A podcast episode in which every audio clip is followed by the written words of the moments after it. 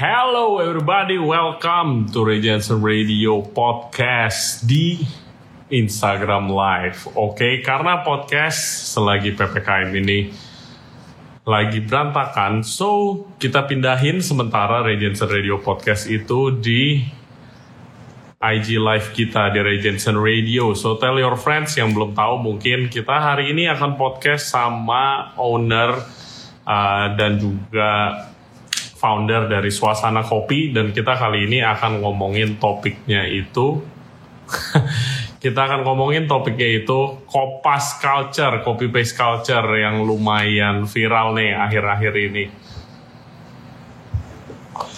Jadi kita tunggu guys kita kali ini. Hello semuanya, apa kabar? Bagaimana PPKM kalian? Outletnya gimana? Hi Mac.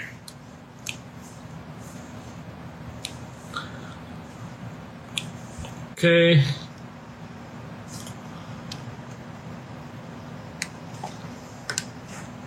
Kita tunggu uh, yang lain datang tamunya.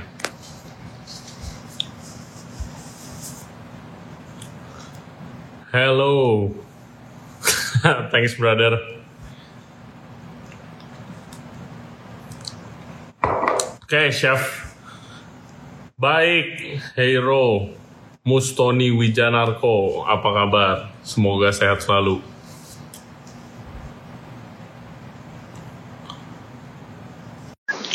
Oke, ini udah datang nih Mas Panji Aditya.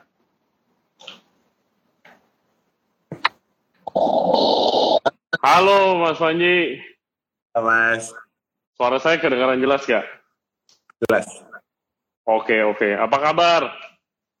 Alhamdulillah baik Mas. Ya baik baik ya. Mantap. Sehat? Sehat. Sehat. Mantap mantap. Ini kita tinggal nungguin uh, Mas Firman ya. Di mm -hmm. WA. Ya gua bentar. Oke.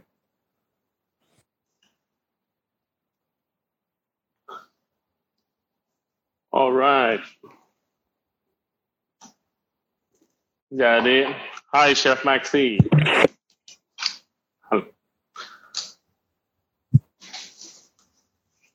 Oke. Okay. Jadi gimana Mas PPKM ini bisnis rame-rame aja apa ada penurunan? Wah, kalau sekarang sih Mas kita tinggal meminimalisir rugi sih judulnya. Soalnya nggak bisa minimalisir rugi. Mas itu si Firman udah as request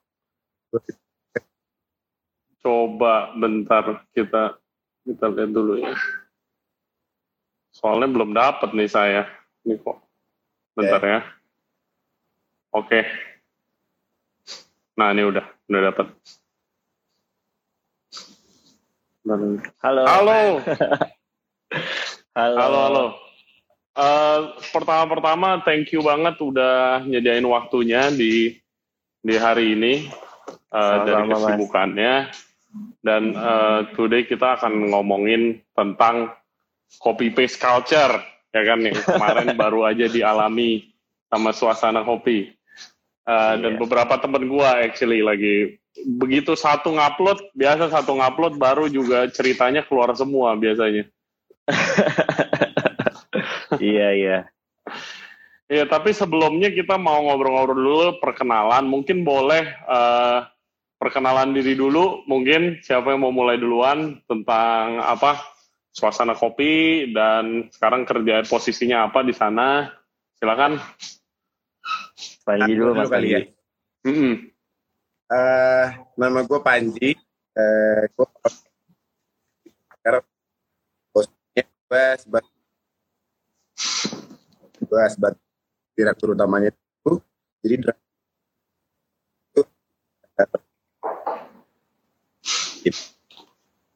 Uh, sorry, gue suara lu putus-putus. Putus-putus ya? Iya, suaranya putus-putus. Uh, Mas Firman dengar Mas Panji itu nggak putus-putus gak? Putus-putus, barusan. Iya, uh, putus-putus sih. Uh. Oke. Okay. Coba, sorry, Mas, santai. Masih? Nah, udah. Ah, udah nggak, udah nggak. Ah, Oke, okay, okay, boleh, okay. boleh diulang sedikit. Saya ulang ya. Ah, Halo semua. Saya Panji. Saya founder dari Suasana Kopi.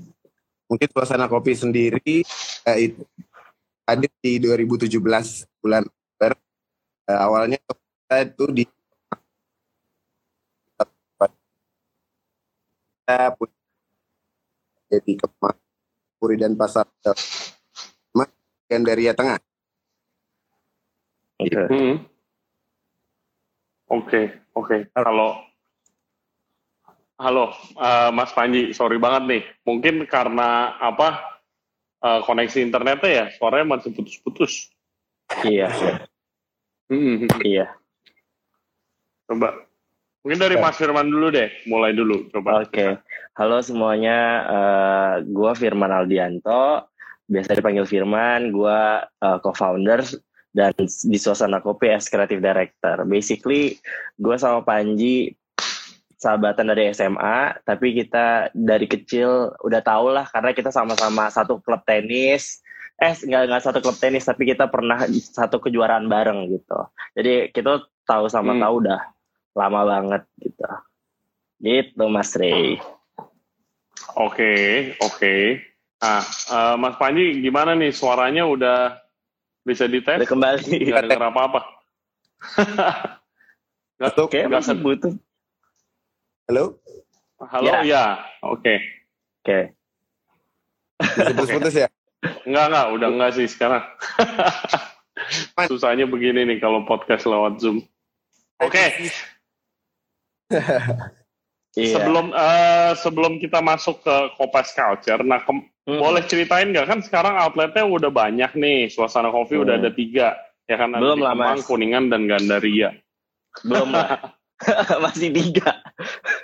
Nah kemarin kan eh, kemarin sih eh, waktu event Broad itu Hmm. yang event sourdough gue datang tuh ke yang Gandaria Oke. tempatnya juga very cozy itu dan Hmm. ini karena kita nanti mau ngomongin tempatnya itu di kopi ya kan Mhm. di copy paste nah coba jelasin dulu strategi dari waktu dan struggle-nya lah susahnya waktu bikin itu tempat mikirin kok apa eh, bukan dari produknya sendiri tapi strategi marketingnya dekornya itu karena Hmm. semua itu kan suatu bisnis entitas gitu kan dan Iya. semuanya saling berhubungan boleh ceritain Hmm. dulu gak struggle-nya tuh kayak gimana dulu Mhm. Mas Panji Coba kali. nggak putus-putus ya? Coba deh, coba. Masih putus nggak sih? Kalau kalau ra- kalau rada deket begitu nggak putus-putus mas. Iya. Tapi kalau pas deh. Ah, ah. Nah, kalau kalau pas jauh, nah oke. oke coba. Ah, kalau Gandaria sendiri tadinya tuh se-struggle eh, kita bikin emang punya plan untuk eh, membesarkan bisnis kita di beberapa titik. Pilihannya itu antara kita punya tiga titik sama seperti Kemang atau kita punya satu titik cuman kita sebut flagship store lah mas. Kita bisa eh, punya banyak acara collaboration di situ, kita punya roastery di situ, mungkin nanti juga bahan bakunya semua belanja di satu pintu gitulah Mm-mm, dan itu bangun dari nol. Jadi kita mulai dari eh, Ya. lewat kemudian menimbun, meratakan, panjang lah. Keren. Sampai satu tahun itu eh, sudah berjalan, kita belum jualan apa-apa, Mas. Kita masih fully untuk membangun itu. Wow, Ya, satu tahun waktu. kenapa Pasti- itu? Apa, Mas? Kenapa bisa sampai setahun belum jualan biasanya? Kalau teknisnya kemarin sempat sekali waktu uh, apa kain ini udah set, ternyata outdoornya itu ter- terlalu kecil mas. Jadi kita kalau kriteria itu kita ke plaza ya, kita naik Ah. dulu. Mm-mm. Nah itu tuh full di fullin dengan apa semen dan nunggu kering itu mungkin take time. Oh, oke oke oke oke. Iya iya iya iya. iya.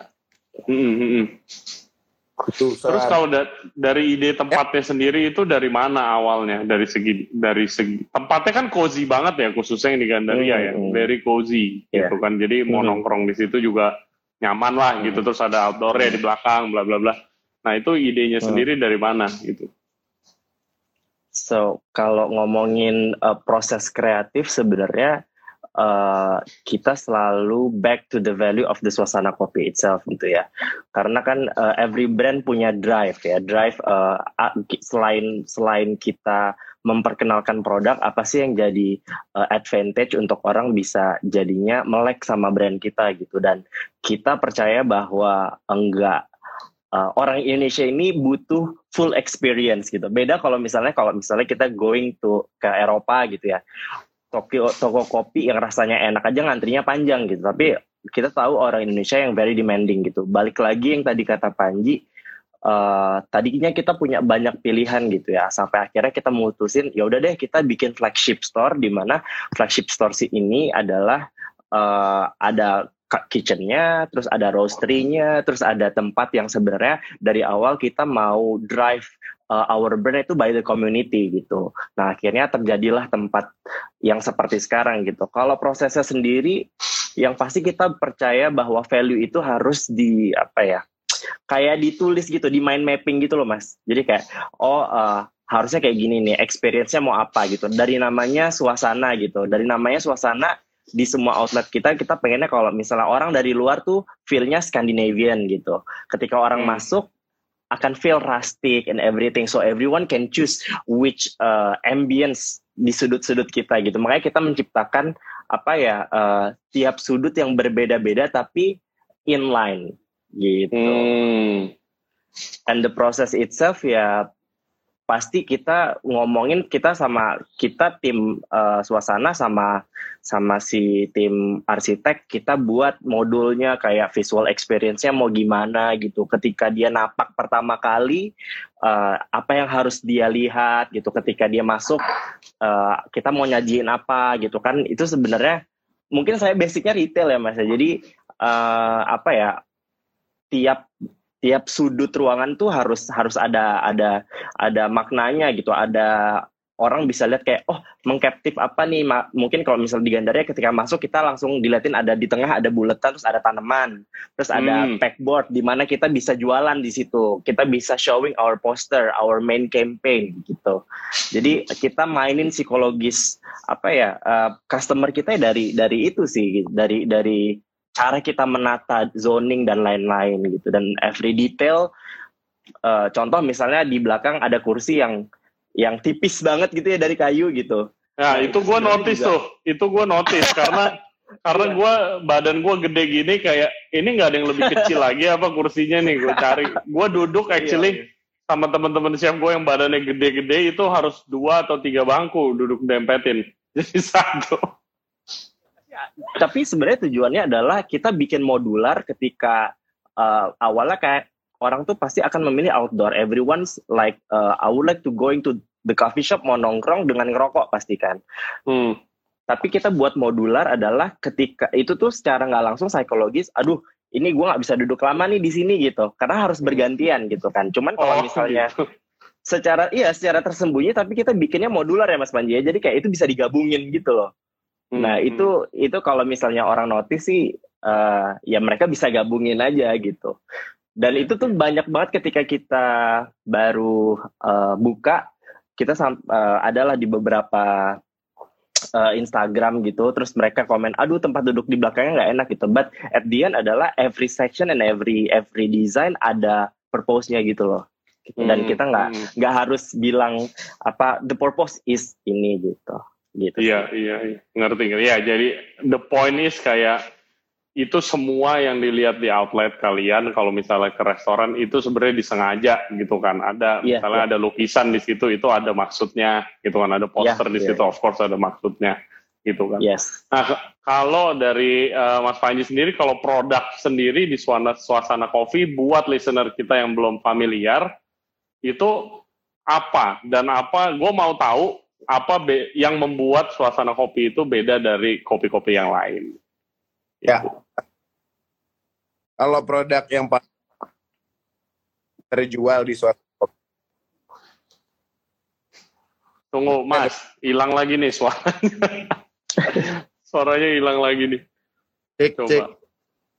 Nah, nah, nah, ini kedengeran nih, ini kedengeran nih, segitu. Sampai nggak kelihatan mukanya.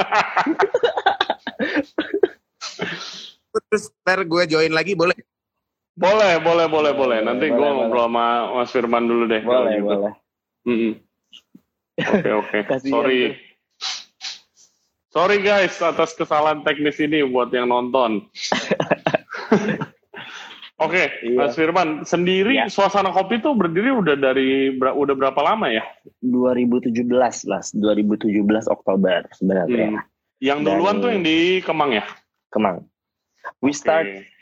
kita nggak nggak nggak pernah maksudnya nggak pernah kepikiran sebenarnya sampai di titik ini sih mas karena kita nggak nggak we don't have any capital gitu loh at that time gitu Hmm. jadi kita pakai capital yang dikit lah dikit banget gitu waktu itu Uh, basically kita bertiga kan waktu itu terus uh, kita juga sempat kayak uh, kayak soft loan lah gitu soft loan gitu Hmm. dan ya struggle banget ya maksudnya eh, waktu itu kita bu- kita bertiga anak daerah mas gitu which is sebenarnya Hmm. eh, kalau tadi menyambung eh, pertanyaan dari Mas Panji yang pertama adalah kita bertiga ini dari was born and raised in Aceh gitu dan Oke. eh, waktu itu kita eh, Mas Panji bilang Mas sebenarnya inisiator dari semua ini adalah Mas Panji. Dia bilang kayak eh, gimana kita caranya nih eh, bikin gue pengen bikin coffee shop tapi kecil-kecil aja gitu. Terus Hmm. tapi kita bawa eh, kopi yang asal dari kita bertiga gitu which is dari Aceh kan eh, Gayo Arabica gitu ya. Terus habis itu oh, oke deh tapi full Arabica nih kita bawanya. Oke oke gitu.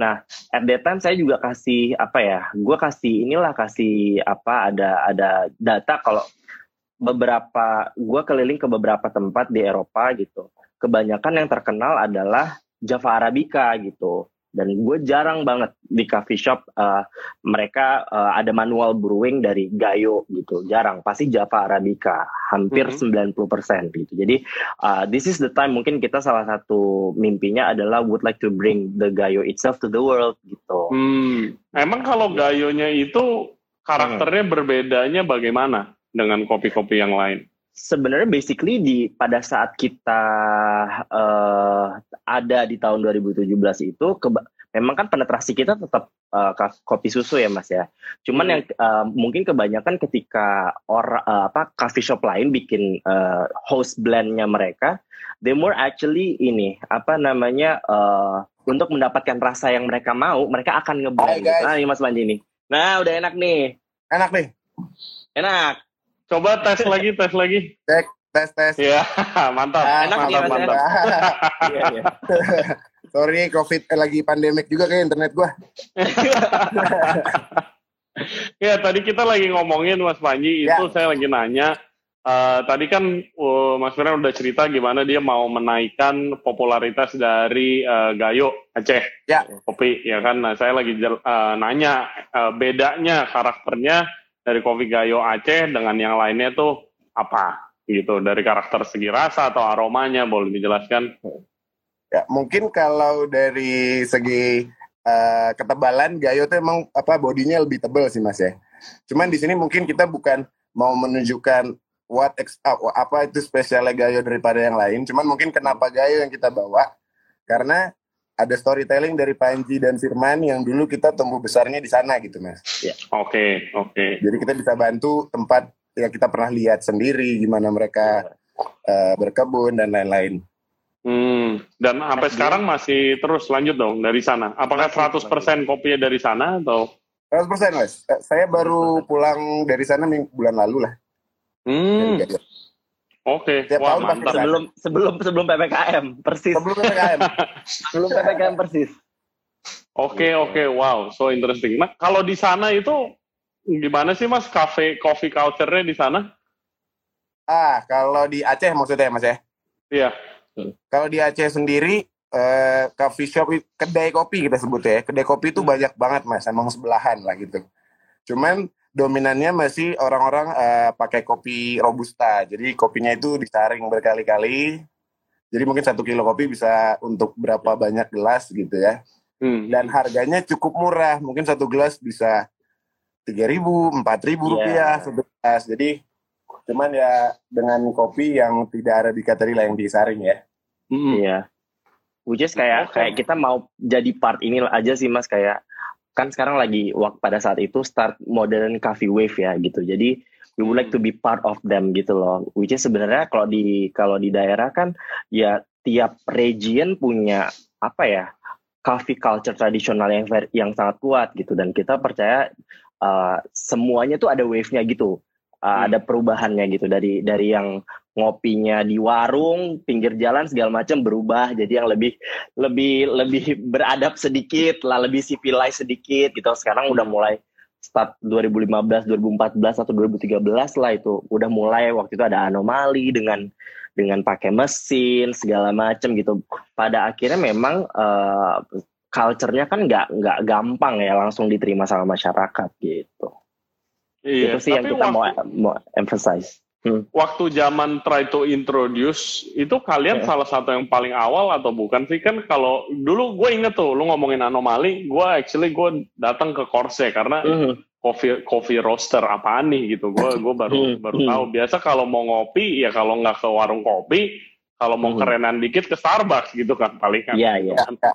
iya kan mm sama waktu itu apa Gloria Jeans Cafe, Coffee Bean begitu begitulah gitu. Yeah, nah, yeah, tapi yeah. begitu ada anomali, hah kopi Indonesia, iya Indonesia tuh kopinya banyak yang enak. Nah itu baru tahu oh, ternyata it's so interesting the hmm. the coffee culture gitu kan. Nah kalian waktu zaman zaman buka uh, itu ada di zaman udah emang udah oh, market nih udah ngerti oh gue sukanya minum arabica atau gue sukanya ini atau kebanyakan market Jakarta itu ya nyari tempat meeting aja hmm.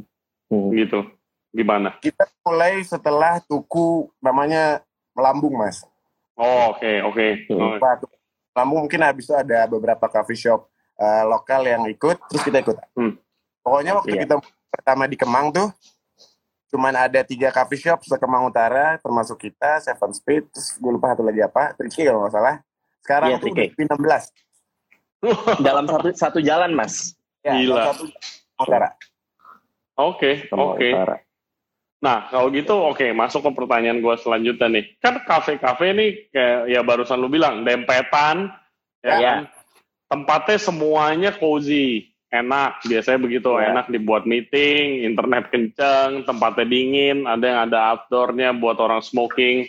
Nah, tapi menurut lu kenapa ada secretnya apa sih biar bisa sukses seperti kalian gitu? Buat yang mungkin listener kita yang baru mau mulai uh, bisnis kopi, mau buka kafe hmm. kecil-kecilan itu uh, secretnya apa? Apa yang membeda? Yang bisa jadi kayak kalau misalnya ngomong produk, produk differentiation gitu, membedakan hmm. uh, kenapa gue harus ke suasana sih gitu loh. Hmm. Itunya dari mana strateginya? Panji mau jawab mungkin? ya, kalau sebenarnya customer experience ya mas ya. Customer hmm. experience kan banyak bisa dari produk, bisa dari barista yang layanin, bisa dari ambience waktu dia nongkrong, bisa jadi lagu, banyak lah. Uh, uh, berhasil atau tidaknya uh, uh, sesuai dengan ekspektasi customer itu ketika ada second purchase menurut gua. Kalau dia datang pertama sesuai dengan ekspektasi dia apa pun ya bisa jadi lagunya baristanya itu nggak ada second purchase hmm. nah, berhasilnya tuh kalau ekspektasi dia hari itu mungkin pas dia lagi sedih dia datang pas nih lagunya sama kita atau apalah ya iya. kalau kali dia datang sesuai ekspektasi dia you gonna get second purchase I think hmm. oke okay, oke okay. nah kalau dari segi kreatif direktornya gimana nih uh, kalau misalnya menyambung sama yang Mas Panji tadi menambahkan adalah kita selalu percaya bahwa uh, di era yang sekarang, di era di mana ketatnya persaingan, kita harus pintar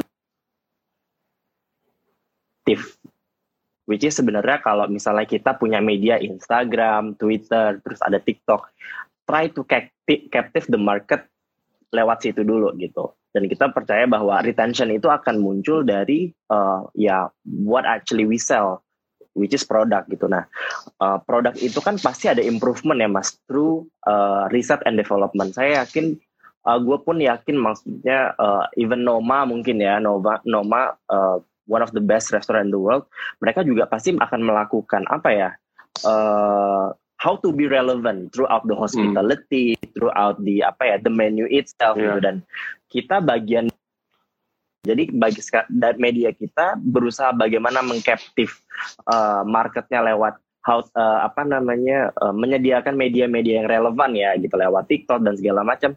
Di dalam juga kita juga memperbaiki hospitality kita gitu rasanya gitu. Karena saya yakin uh, apa ya riset and development yang secara gradual dilakukan itu akan menambah nilai lagi gitu. Karena pasti tiap orang uh, ketika datang tuh punya ekspektasi ya punya ekspektasi. Sometimes mungkin nih uh, binsnya lagi lagi nggak enak gitu ya gimana caranya kan kita mengetahui itu dengan cepat gitu sehingga uh, apa ya customer yang mungkin retentionnya tinggi akan tetap puas gitu. Hmm, iya Soalnya sih. susah sih, ya. maksudnya susah Kenapa? maksudnya dalam masa masa dalam masa-masa yang uh, penuh kayak banyak persaingan gini-gini gitu kita juga uh, kita nggak kita nggak mungkin lah beat each other gitu ya tapi kita berusaha untuk uh, shifting each other gitu dan kita balik pasti ke kita sendiri lah gitu Hmm, dan saya hmm. yakin kayak yang Mas Panji bilang experience tuh bukan dari rasa ya macam-macam karena preferensi orang pasti oh lagunya enak nih lagunya kayak gini gitu terus mereka ada kegiatan A B C yang rutin banyak banget hal yang bisa uh, apa ya uh, orang uh, bisa jadi signature dari tempat itu gitu atau dari brand itu gitu. Oke.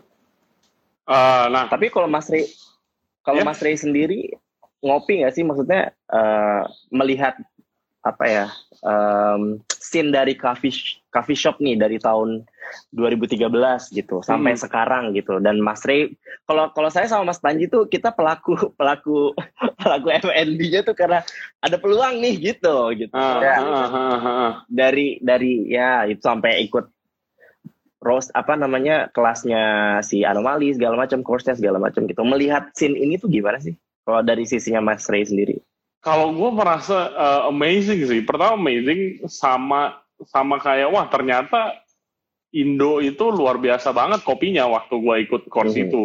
Gitu sih. Dan Mhm. Uh, gue jujur gue bukan orang yang kayak penikmat kopi banget yang begitu gue minum kopi diseruput dikit wah gila ini enak banget bla bla bla bla. Iya, gue ngopi gue ngopi kebanyakan uh, ya pagi udah kebiasaan sama kalau siang-siang lagi ngantuk biasa gue ngopi Mhm. begitu Uh, kalau kafe gue basically yang ke customer yang berikutnya tuh mungkin kategorinya ya kalau misalnya ada tem- tempatnya enak buat meeting itu Mhm. nah lokasinya pas lah buat kita berdua itu ya langsung di situ aja. Biasanya gitu jadi reguler lah biasanya di situ kalau gua. Tapi uh, kalau gua ngelihatnya it's really amazing sekarang sampai udah ada di bagian mar- market segmennya juga udah kebentuk juga buat kopi. Ada yang emang di dekat rumah gua ada namanya itu Sulawah. Dia khusus kopi Aceh tapi jual kopi Hmm. seduh kayak dua belas ribu gitu satunya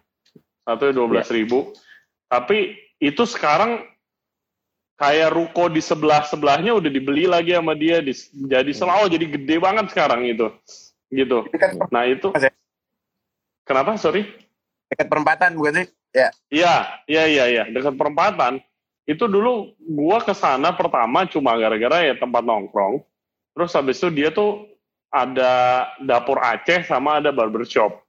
Sekarang Hmm, udah ya. ada, semuanya udah selawah semuanya gitu. Ya, ya. Dan Wah, dia gokil. udah buka lagi, buka lagi. Nah itu ini yang di Tebet ya Mas ya Enggak, yang di Jakarta Barat. oh di Jakarta Barat Mm-mm. I see. Terus habis itu market yang seperti eh, suasana of course sudah banyak banget gitu kan. Terus Iya. sampai ada yang kayak kopi luwak gitu yang emang Hmm. udah ratusan ribu per cup itu juga ada. Itu yang paling amazing sih buat gua. Iya, Sekarang iya. dan semuanya ada ya rame-rame aja kayak kopi luwak dulu di GI yang Mm-mm. ada satu kopinya berapa puluh ribu bahkan ada yang ratusan ribu ada aja gitu customernya emang ada penikmatnya itu yang Iya. yang amazing sih kalau dari iya gokil Nah ini karena kita lagi IG live mas, kebetulan ada pertanyaan nih. Boleh, boleh. listener kita nih. Un- dari Garasits. Shout out Garasits, thank you untuk pertanyaannya. Untuk melakukan branding dengan media, menurut Pak Art Director, mungkin ya Mas Firman, deh, itu seperti boleh. apa? Kiranya branding, contohnya. Mungkin Oke. contoh, kasih contoh kali ya. Kasih Oke. contoh satu. Oke, ini kita ngomong ini aja ya singkat yang waktu uh, awal-awal suasana uh, hadir di tahun 2017. Waktu itu Panji inget saya inget banget Panji bilang pokoknya kita buka ya gitu uh, namanya suasana kopi gitu. Terus oke okay, gitu. Terus uh, pokoknya ini semua yang lain lo pikirin deh filosofinya lah apa segala macam pada intinya kita punya iya benar benar benar benar benar Mas. Kita kita struggle from the zero gitu uh, kita nggak eh, kita punya capital cuma segini uh, gimana caranya semuanya harus menarik gitu. Targetnya gokil lah gitu. Ya udah akhirnya kita bikin lah. Oke okay, suasana kopi itu pada saat itu kan kita, lah GoFood tuh lagi naik naiknya ya. Oke okay, kayaknya kita bisa nih uh, uh, dengan tagline kayak suasana kopi uh, minum kopi sesuai dengan suasanamu gitu. Karena awalnya kita, kita tuh pengennya take away gitu. Karena memang hmm. itu bener-bener nggak punya duit mas gitu. Nggak punya capital sama sekali gitu. Iya beneran. Jadi parah, kita parah. Mas kita punya kita sewa tempat 90 meter mm. cuman yang kita pakai itu cuma 40-an meter gara-gara budget kita belum ada waktu itu iya benar kita diam aja gitu kita nggak kasih lampu kita biarin bronx tapi setiap hari ada mas yang duduk di situ iya hmm. benar hmm. sampai pernah pas hujan pada ke sini semua jadi suasana pau-pau. Pau-paunya udah tutup. Pau-paunya udah tutup. Uh, okay, okay. Karena pada saat itu kita ngeliat, karena kita waktu itu media sosialnya cuman Instagram ya, saya waktu itu kayak ah saya lihat uh, apa namanya Instagram coffee shop yang lain tuh semuanya fotonya cuman fotokopi, fotokopi, fotokopi, fotokopi semua produk semua isinya. Nah, hmm. waktu itu kita balik, kita twist gitu. 80% tuh lifestyle-nya kopi, tapi 20%-nya produk isi dari okay. Instagramnya gitu. Nah, nah itu, itu jadi kayak ya. iya kayak oh hmm. jadi orang mungkin ketika ngelihat uh, ada yang nge-share tempat kita atau ada yang apa ya namanya yang mungkin lihat kita punya uh, Instagram jadi kayak oh ini apa nih uh, menarik nih gitu at least orang datang aja dulu gitu at the end kan kita juga try lah produk kita gitu di pasar. Apakah oh waktu itu kalau dulu tuh uh, kita dibilangin kopinya kegosongan kopinya kayak pakai arang kopinya uh, apa kayak minum alkohol gitu pahit banget katanya gitu kan. Kopinya kayak minum alkohol luar biasa. Iya gitu. Terus ya kita apa ya uh, akhirnya kita melakukan yang nggak mungkin lah kita diam aja gitu. Karena kita kan pengen bertahan juga gitu. Jadi ya kita dari situ kita dapat masukan banyak dan kita uh, ya try to improve lah. Dan akhirnya kita lumayan lah. Dalam waktu 4 sampai enam bulan kita udah balik modal loh mas itu dari modal kita yang kita pakai at that time gitu ya. Jadi hmm, hmm. terus ya setelah itu ya kita berusaha gimana caranya uh, membuat oh ini ini ini yang ini banget sih mas. Karena waktu coffee shop kita tuh kecil dan uh, kita tuh di Kemang Utara kan jalannya kecil mas ya gitu. Hmm, Jadi kayak 30 orang ada ya 30 orang ada di luar itu rame banget gitu. Dan itu macet kalau di jam-jam tertentu. Jadi banyak orang yang kayak ah, apa sih ini ini tempat pakai ini ya aji-ajian kawi ya gitu ya mas ya. Banyak ya teman-teman kita tuh sampai kayak gitu loh ini pakai pakai apa sih dan pada akhirnya ya orang yang lewat dan dan dan dan apa dan macet tuh pada akhirnya kayak mas saya kemarin lewat sini kok ramai banget saya mau coba deh kopinya gitu dan kita uh, mengencourage barista kita untuk uh, very uh, chit chat lah sama customer karena ya kita harus cari kan di mana bagian yang bisa engage dan satu lagi hmm. Dan itu itu ide ini idenya Mas Panji nih waktu itu. Kita pokoknya pakai barista cewek semua. Nah, karena, karena karena dari iya ya, karena dari karena dari dari apa dari data kita itu semua yang ngopi eh, nggak semua yang ngopi at that time yang ngopi mostly laki-laki gitu. Hmm. Jadi kita pakailah perempuan-perempuan sebagai manekin kita gitu. Dan pada saat itu ya juga banyak yang uh, kontra sama kita, Allah itu cuma jual uh, perempuan doang lah, apalah segala macem gitu. Hmm. Ya, yeah, so that's uh, uh, why gitu. Apa yang salah? Nggak ada yang salah kan gitu. Ya itu salah satu strategi lah daya daya yeah. tarik gitu kan. Dan yang yeah. paling gua notice yang lu bilang itu gua notice banget waktu gua ke sana sih baristanya hmm. itu super friendly dan okay. kayak uh, ya chit chat aja. Iya. Gitu sih. Iya, itu uh, ada strategi apa yang bisa di-share ke kita uh, Mas Panji buat supaya trainingin supaya mereka tuh becomes friendlier to the guest dan supaya punya kepercayaan diri buat ngomong karena kebanyakan orang sebenarnya dia friendly, tapi kalau sama tamu udah ketakutan dulu kalau mau ngobrol gitu. Trainingnya gimana? Eh, kalau yang khusus hospitality sih kita sebenarnya nggak ada. Sebenarnya di barista sendiri mas untuk suasana kopi turnovernya itu tinggi banget mas. Hmm. Jadi keluar masuknya pergantian barista itu tinggi banget. Cuman untungnya di suasana kopi pas kita dapat momen buka lowongan tuh yang apply itu kita bisa kurasi dari situ sih mas. Dari kita Oke. interview kita udah tahu wah ini orang akan bekerja literally karena dia butuh duitnya. Ada orang yang bekerja, wah mungkin somehow ada yang pengen keren kerja di sini atau ada yang pengen Iya. kenal luas lagi ada di lingkungan yang mana biasa gitu sih dari situ sih kita bisa langsung kurasi itu jadi si barista baristanya sendiri udah punya udah punya mental yang bagus sih menurut gua Hmm.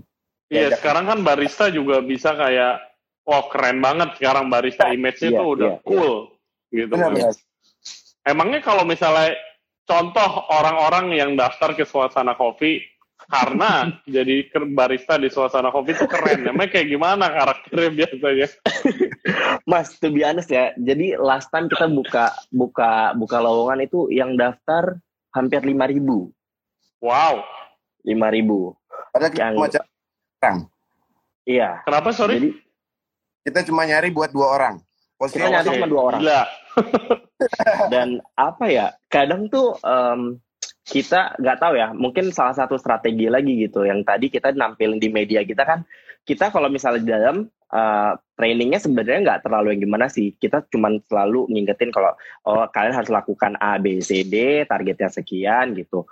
Kalian ketemu customer ya harus rapih gitu. Maksudnya Hmm. boleh pakai baju bebas tapi ya make up sedikit lah gitu. Siapa tahu ketemu produser siapa tahu ketemu sutradara. Kan buka buka buka ini buka buka sesuatu yang baru. Dan uh, yang utamanya adalah karena frontliner mereka harus uh, menyenangkan customer kita gitu. Dengan cara ya Iya. berpanambalan dengan baik berkomunikasi Hmm. dengan baik kayak gitu. At the end ketika kita tampilin maksudnya kan kita banyak tuh mas expose uh, kita punya barista dan tim-tim kita di di Instagram. Akhirnya image itu kayak kebentuk sendiri sih mas gitu dan ketika kita wawancara ada yang enggak gue pengen tahu aja sebenarnya rasa rasa kerja di suasana ini gimana sih gitu kelihatannya tuh enak gitu padahal nggak Ah. enak ya kan gitu Iya. maksudnya ya orang pasti akan melihat eh, harus di, diakui kayak mereka pasti judge book by the cover lah gitu jadi ya itu cara kita Hmm. nge-twist aja sih gitu Ngerti. Sama tadi kan lu ngomong ngomong sedikit mention soal Noma tuh. Ya gua Noma, gua ya. gua pernah kerja di situ dan Oh, dan mereka oke. itu tim sosial media dan marketingnya itu gila men. Kayak banyak banget.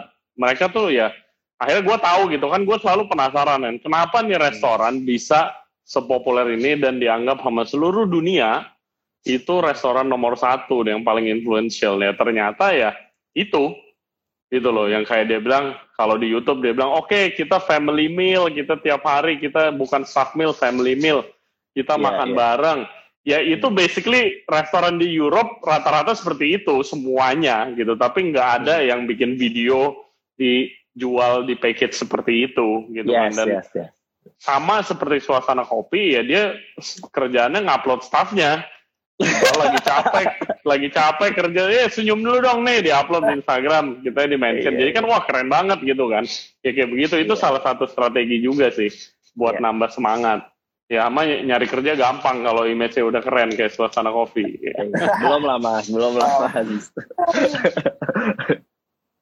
Oke, nah ini sekarang kita mau mulai masuk ke topik inti kita nih. Kan kalian tadi berdua udah cerita gimana struggle susahnya ngebangun suasana kopi yang sekarang udah ada tiga outlet.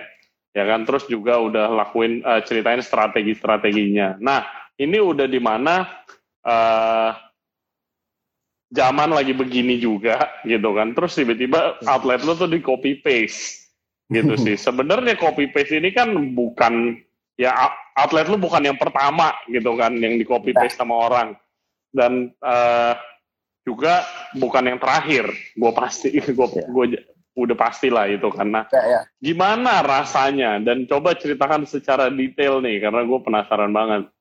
Ceritanya gimana? Gue sih kaget banget ya mas ya. Jadi Hmm. ada aw- awalnya gue yang tahu ya man ya. Awalnya gue yang tahu gara-gara ada Hmm. gue share di grup gitu. Gue kira dia lagi di kedai gue mas sampai ada beberapa teman gue yang gue coba iseng kerjain gue kirim foto yang sama terus teman gue bales lo mau pamer apaan? Dia kira itu masih toko gue ini bukan toko gue gue bilang. Sampai ada sedikit akhirnya eh, yang paling mungkin yang paling pertama kali ngambil tindakan si arsiteknya ya. Iya. arsitek kita sempat yang mungkin dia tersinggung sekali dan coba mencari tahu eh, building itu arsiteknya siapa. Oh, arsitek suasana kopi. Ya. Ya, ya. Oke, iya jadi guys buat yang belum tahu dan baru join chat kita, ya ini kan kita lagi sama owner dan foundernya dari suasana kopi. Yang kemarin itu outletnya di copy paste, udah kayak di Microsoft Ya. Word tinggal copy paste. Jadi itu Kontrol kalau ya, kontrol kalau gue lihatnya itu dari eh, bukan hanya produk dan desain tempatnya tapi desain seragam desain coffee cup dan packaging eh, branding eh, sosial media yang gilanya itu sampai tanamannya aja sama. Itu itu itu gua ngakak. Kalau itu gua ngakak gila niat banget sih. Kalau sampai sampai tanamannya sama berarti emang udah plek-plekan banget gitu kan. Iya. Iya iya. Nah lanjut lanjut. Sorry sorry. Iya kita kaget. Soalnya kan susah lah kalau kasat mata gitu bilang itu bukan keda, bukan suasana Gandaria gitu mas. Emang mirip banget lah. Terus akhirnya gue share ke Firman. Ternyata Firman semakin menjadi jadi gitu emosinya. Nggak lama ada yang post. Tapi gue belum belum mau ikut meramaikan lah. Cuman saat itu Hmm. udah ramai ternyata. Ramai yang ternyata Hmm. eh, kesel juga sama eh, tindakan yang model seperti itu gitu. Hmm. Tapi to, Nah, terus- be honest sih Mas Mas Re waktu waktu Panji itu ngirim ke gue, terus kayak ya ini apa lagi sih masalahnya gitu loh, kirain ada apa gitu kan. Pas gue lihat terus kayak kapan ya gue ganti tanaman? Pertama gitu kayak kan tanaman lagi di, di luar semua gitu, kok ada yang ada yang di dalam. Gue lihat-lihat lagi, eh beda nih, beda nih, beda nih. Terus habis itu ini siapa? Gue bilang bukan itu di Banjarmasin kata Panji. Nah Hmm. terus awalnya tuh kita berdua eh gue bilang sama Mas Panji, ya udah kita nggak usah bereaksi gitu. Cuman gue gua pribadi eh, selalu suka untuk exercise tim gue gitu, which is tim creative marketing gitu. Gue kirim ke mereka, terus eh, wah di mana Mas gokil segala macem gitu. Terus eh, awalnya kita kayak udahlah eh, kita diem aja gitu dan kita cerita sama si eh, arsitek gitu. Hmm. Ternyata salah satu dari tim internal kita posting lah satu gitu eh, apa namanya ya buat lucu-lucuan aja gitu. Di notice nih sama tim Braut nih, sama tim Braut kan. Wah, sama tahu kan? Tahu kan orang-orang orang-orang sana kan idealis banget tuh, wah nggak terima, mereka nggak Hmm. terima, wow udah rame. Wave kita dari bawah ternyata customer ah eh, nggak Eh, terima mas malah customer kita yang nggak terima gitu. Marah banget gitu. Akhirnya mereka Ah, posting wah nggak boleh. Dan dan waktu itu kita pokoknya gue sepakat sama Panji kayak kalau misalnya salah satu dari kita tidak dihubungi sama yang bersangkutan kita nggak usah kasih respon apa pun. Gitu. Kalau misalnya orang ngetek kita ya kita repost ya nggak apa-apa gitu. Tapi bukan datangnya tuh dari kita gitu. Kita tuh ambil Hmm. sikap pertamanya kayak gitu. Sampai malamnya itu awalnya dia hubungin Mas Yowel terus dia hubungin Panji. Nah Hmm. udah. Baru mulai besoknya kita Panji bikin kayak cerita lah gitu sebenarnya. Terus habis itu saya ngomong eh, bikin bikin ini bikin apa bikin konten di suasana kopi kayak sebenarnya eh, how to apa ya kayak respect the process gitu how to trust the process gitu. Itu Hmm. aja sih mas gitu Oke, ya gue tahu juga dari ini dari Yoel, kayak gue lagi ngobrol sama dia, gue lagi ngobrol sama dia, terus dia bilang, Ray ini di mana, gitu kan, share foto, gitu kan. Lah, gua gua pikir dia lagi di suasana Jakarta. juga, lalu Iya, balik iya. lagi, gue bilang mau podcast kagak ini di Banjarmasin gitu, wah gila sama percis, gitu kan. Terus kayak wah, karena gua dulu eh, restoran gua juga di Hmm. pernah dibegituin Hmm. Gitu loh, Hmm. digituin dan rasanya sih sebelnya setengah mati gitu. Sebelnya setengah mati gua gila Parah, kita parah. mikir kita mikir mati-matian gitu. dan gua restoran gua itu jadi ceritanya gua lagi mau buka tempat Iya. restoran. Terus habis itu ada eh, partner gua punya teman baik. Nah dia itu punya ruko kosong katanya. Terus dia bilang, gue bikin restoran apa ya? Gitu. Nah kita itu belum buka, nggak kayak kalian yang udah punya cabang, udah besar. Kita belum buka. Terus habis itu tiba-tiba uh, kan kita belum buka, tapi gara-gara dia teman baik partner, ya udah boleh birthday party di situ sebelum buka pre-opening. Nggak taunya dia bikin konsepnya dan dekornya mirip banget. Oh, gitu. Wah, karena dia sempat ngomong sama gua, kita kenalan terus kayak, "Woi, keren juga ya tempat lu." Gini loh, kayak di tempat gua begitu masuk ada ayunan, tiba-tiba dia ada ayunan juga di depannya, makanannya konsepnya sama gitu loh. Tapi Iya, iya. ya waktu itu belum zaman kayak sosial media sampai sekarang gitu kan dan kita belum buka dan nggak ada yang tahu jadi nggak bisa ngapa-ngapain juga cuma ya makan Hmm. hati doang gitu tapi Iya, iya. kalau dari kalian udah sempat meledak begini itu dari pihak merekanya akhirnya ada yang kontak kalian nggak? Ada, ada, ada yang kontak mas. Heeh. Nah gimana komunikasinya tuh boleh cerita nggak?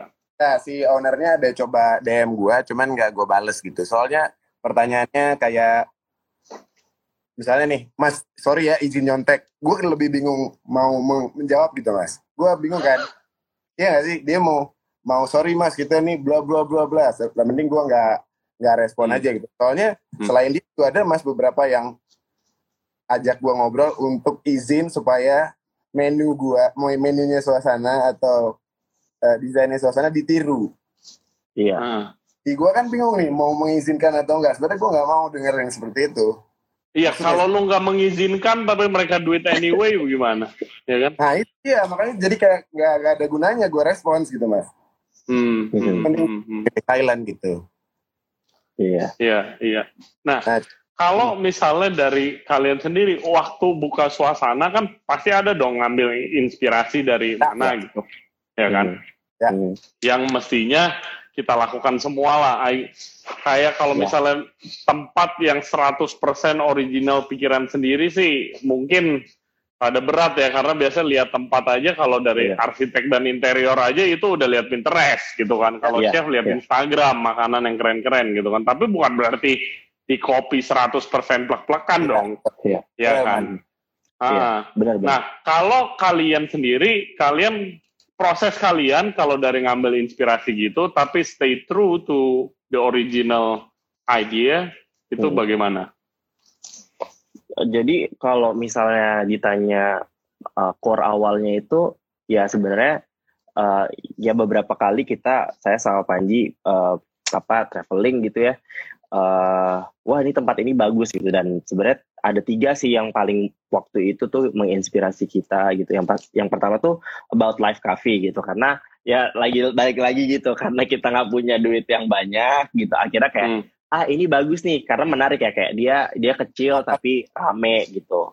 Iya orang orang tuh chasing untuk uh, pergi ke sana gitu ya, either buat buat foto atau beli kopinya mau rasain kopinya. Terus ada yang kedua uh, minimalism eh kafilism sorry kaf- kafilism di Bangkok gitu. Bangkok. Yang ketiga ya yang ketiga adalah ada namanya Nano Cafe di Berlin gitu. Nah kalau di Nano Cafe ini yang kita lihat adalah sebenarnya kursi itu mas itu kita eh, pakai dari eh, mereka punya kursi gitu si Nano Cafe gitu cuman dia itu lebih tipis kita tuh lebih inilah kita kasih ada standar sedikit lah dan ketika kita cek di Pinterest ternyata ya inspirasi itu ada di Pinterest Iya. Gitu. Heeh. Iya, ternyata ada gitu. Jadi kayak oh oke lah that's fine gitu. Jadi sebenarnya tiga tiga coffee shop kecil ini yang yang kita ambil value-nya gitu. Kalau di Nano Cafe itu gue ngelihat gini orang semua ya mungkin di Eropa kebanyakan mereka di luar ya. Maksudnya kalau minum kopi, minum bir gitu. Bahkan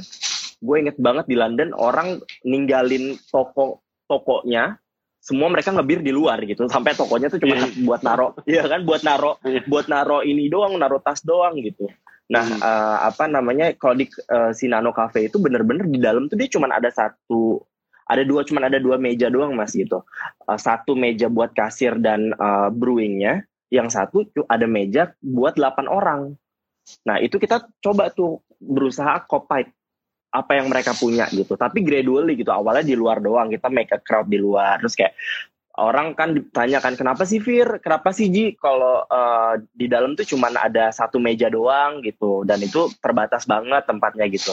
Ya sometimes kita juga apa ya buat pengen orang tuh bisa chit chat di situ, strangers tuh strangers bisa bisa kenal gitu. Dan kuatnya dari suasana kopi Kemang adalah banyak teman-teman kita sekarang mas yang benar-benar kenalnya di toko jadi teman dekat dan jadi komunitas gitu.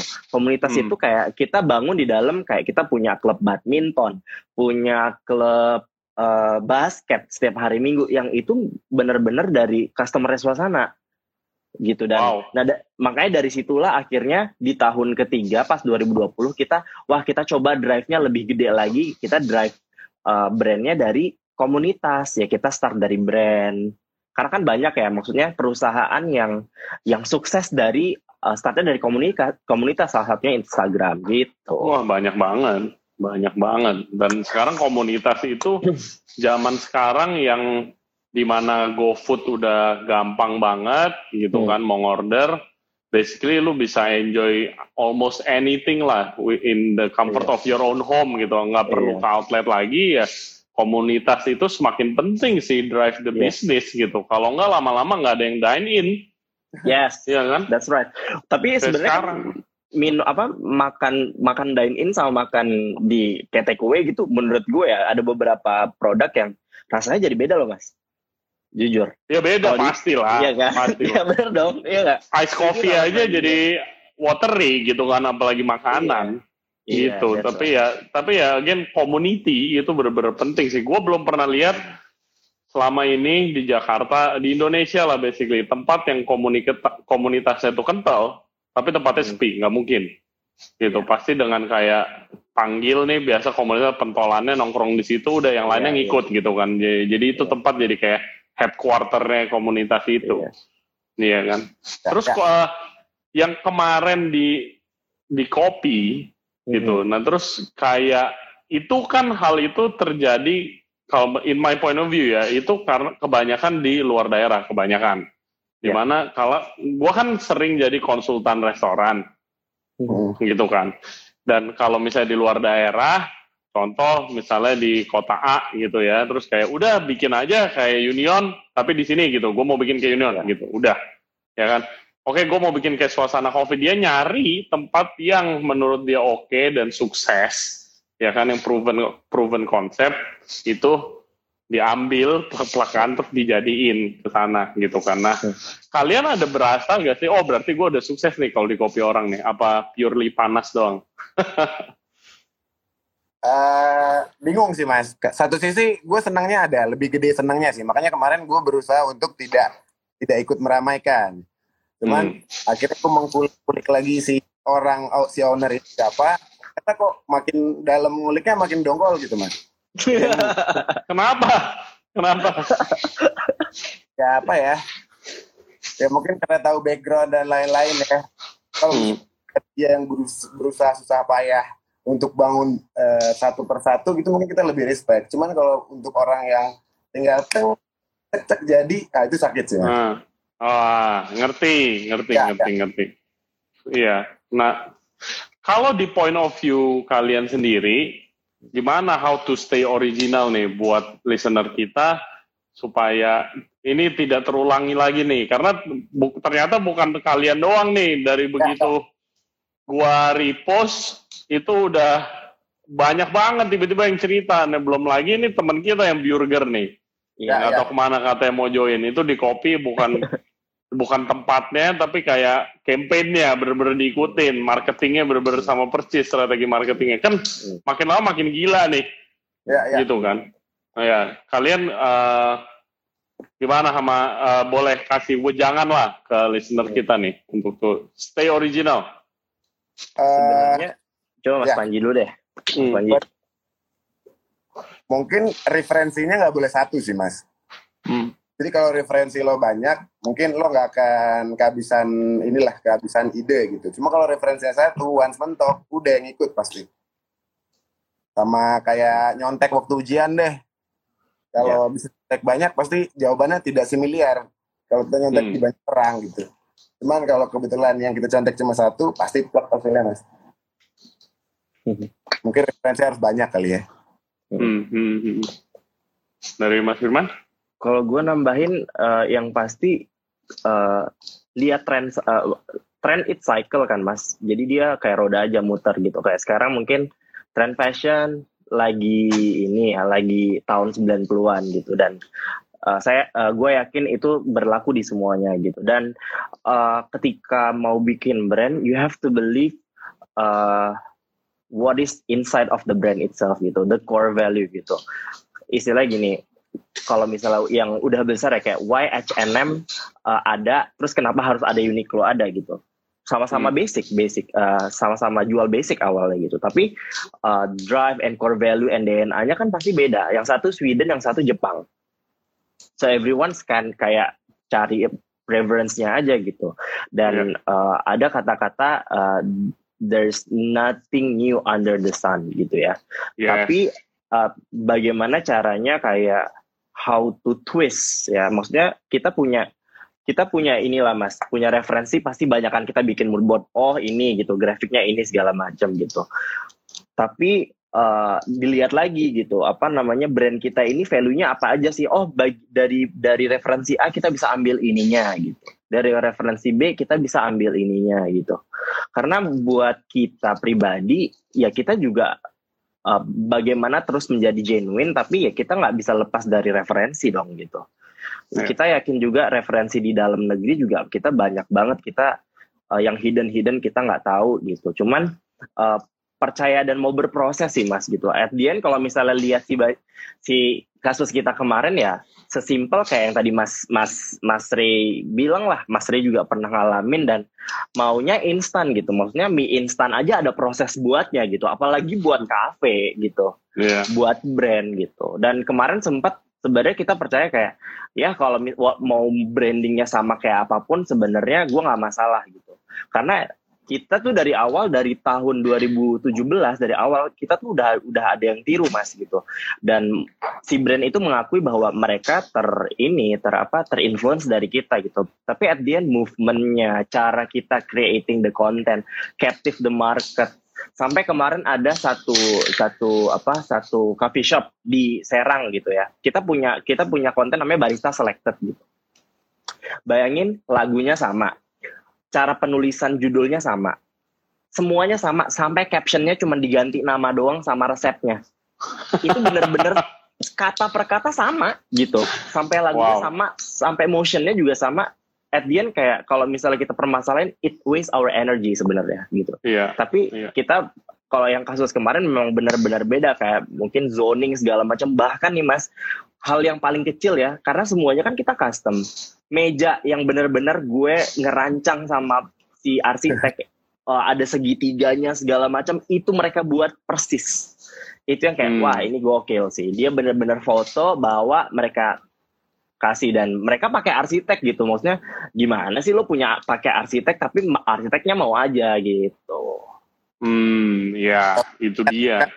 Mas sampai mirip Kenapa? banget ya nggak mungkin mampir sekali dua kali sih ke suasana sampai mirip begitu iya. tempat iya pasti udah reguler ya. tuh ya mungkin ya itu yang tadi regular custom returning customer yang lu bilang di awal-awal tadi dia iya. tuh nggak taunya dan dan mas tapi dan lucunya lagi adalah si ownernya tuh lulusan luar loh lulusan hmm. Inggris maksudnya kayak wah lo udah pernah tinggal di luar tapi lo nggak terinfluence dengan budaya di sana gitu. Maksudnya kan di sana kekayaan intelektual sangat dihormati lah gitu-gitu. Cuman makanya kayak oh ternyata uh, apa ya nggak melulu lingkungan tuh mempengaruhi keinginan kita gitu.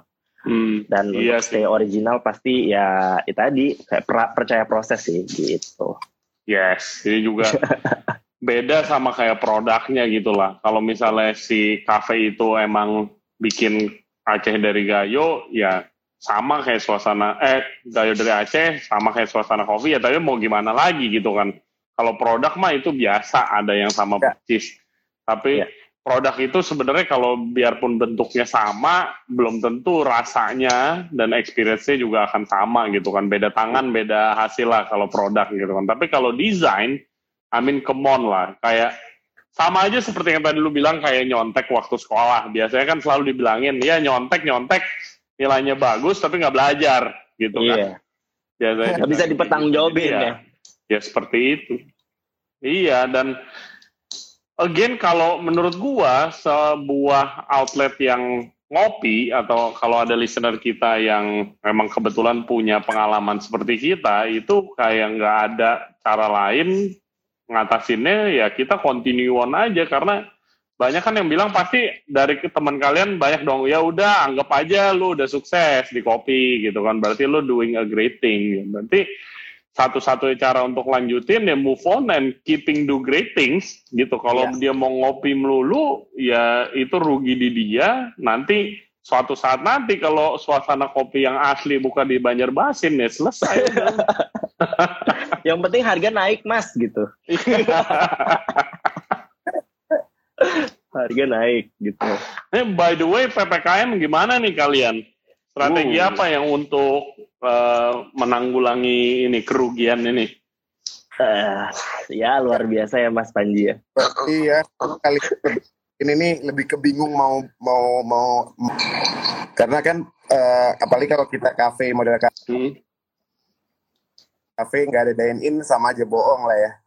Hmm. Apalagi kita kita tadi ceritain suasana kita me- me- menyeting sedemikian rupa tempat itu supaya orang visit gitu, Mas. Hmm. Jadi suasana sendiri mungkin lagi terpuruk banget sekarang di ppkm. Sekarang mungkin dari kita cuma mengkurasi-kurasi aja nih kira-kira potensi-potensi loss mana yang masih bisa dijaga eh, kayak sekarang. Beberapa staff yang di head office udah mulai ikut shift lagi mau nggak mau diperbantukan. Terus barista-barista part time udah kita rumahkan dulu sebentar. Sementara waktu ya sampai mungkin sampai kita tahu lah kira-kira ini berujung di mana sih.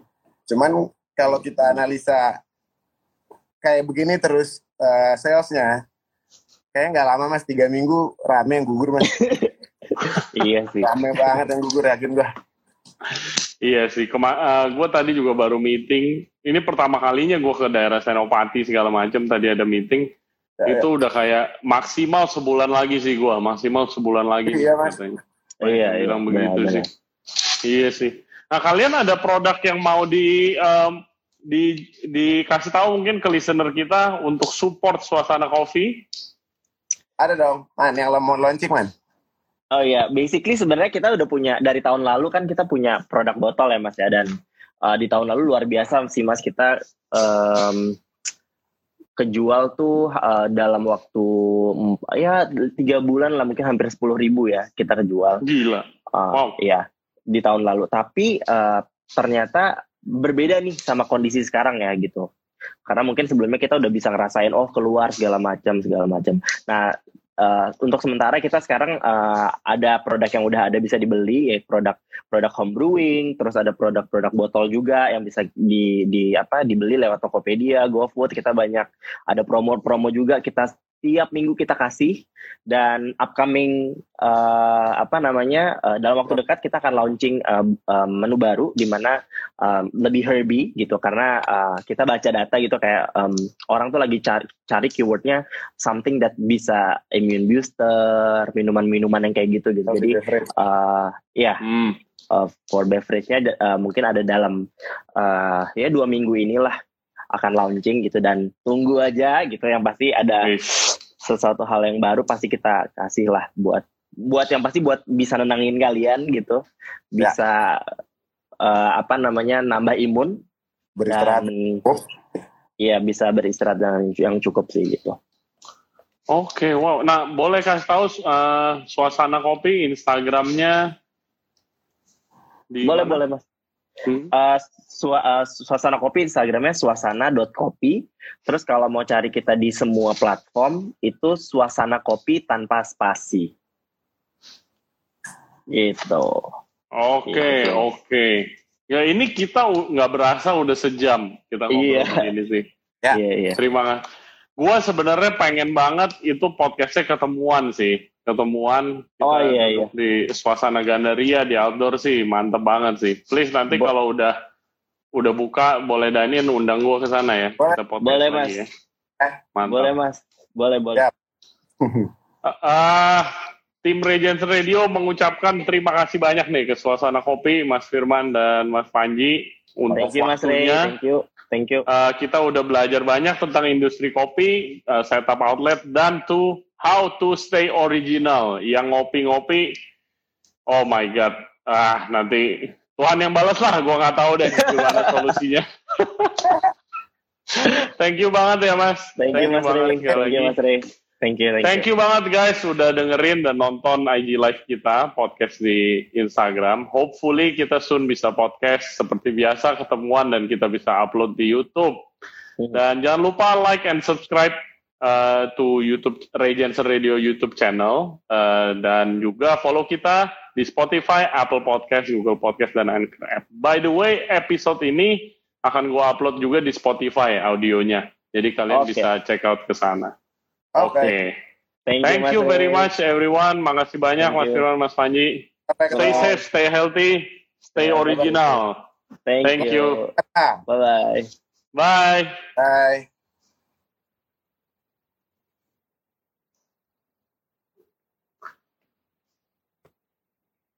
Okay. Thank you guys.